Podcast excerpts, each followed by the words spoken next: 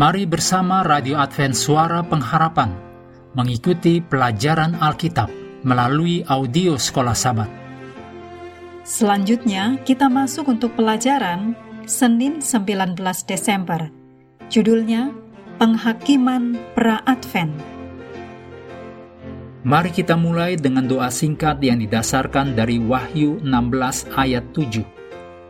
Ya Tuhan, Allah yang Maha Kuasa, benar dan adil segala penghakimanmu. Amin.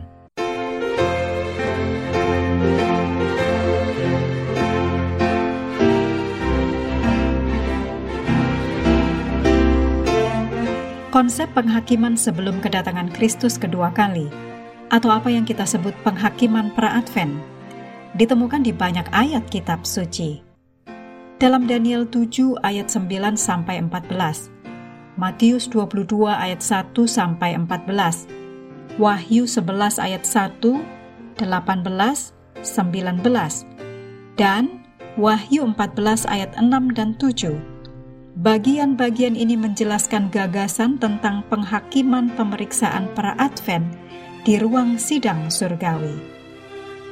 Konsep penghakiman pemeriksaan pra Advent dari umat Allah didasarkan pada tiga ajaran dasar Alkitabiah yang pertama adalah kebenaran bahwa semua orang mati, apakah orang benar atau tidak benar, tetap tidak sadarkan diri di kuburan mereka sampai kebangkitan terakhir. Ini dicatat dalam Yohanes 5 ayat 25 sampai 29. Yang kedua adalah adanya penghakiman universal atas semua manusia. Dicatat dalam 2 Korintus 5 ayat 10 juga Wahyu 20 ayat 11 sampai 13. Yang ketiga adalah kebenaran bahwa kebangkitan pertama akan menjadi upah berkat bagi orang benar dan kebangkitan kedua akan menjadi kematian kekal bagi orang fasik.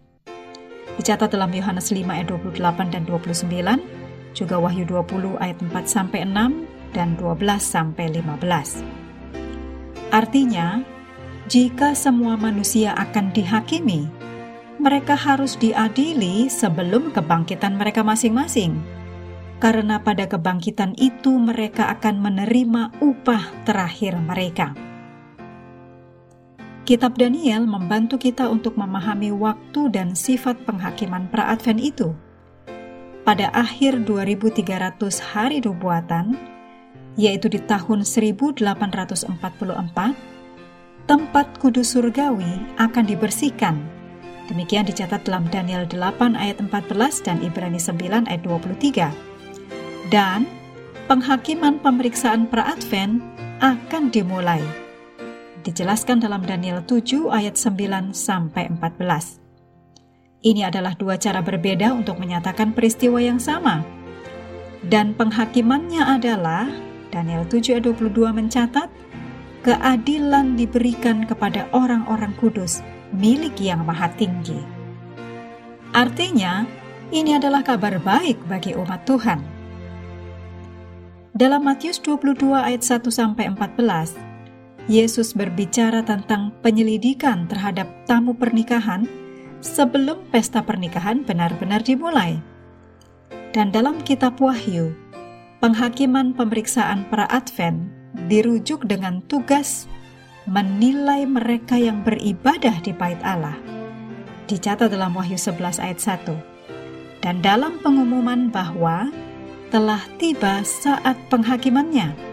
Dicatat dalam Wahyu 14 ayat 6 dan 7, juga Wahyu 14 ayat 14 sampai 16 tentang penuaian dan memotong buah pohon anggur yang masak di bumi. Pengetahuan kita tentang penghakiman di surga seharusnya mempengaruhi cara kita hidup di bumi ini. Mengakhiri pelajaran hari ini, mari kembali kepada ayat hafalan kita dalam 2 Korintus 5 ayat 10.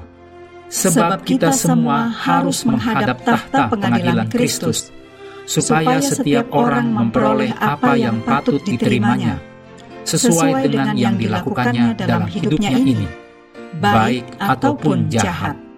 Kami terus mendorong Anda untuk mengambil waktu bersekutu dengan Tuhan setiap hari bersama dengan seluruh anggota keluarga, baik melalui renungan harian, pelajaran sekolah sahabat, juga bacaan Alkitab sedunia, percayalah kepada nabi-nabinya, yang untuk hari ini melanjutkan dari 1 Tawarif pasal 2. Tuhan memberkati kita semua.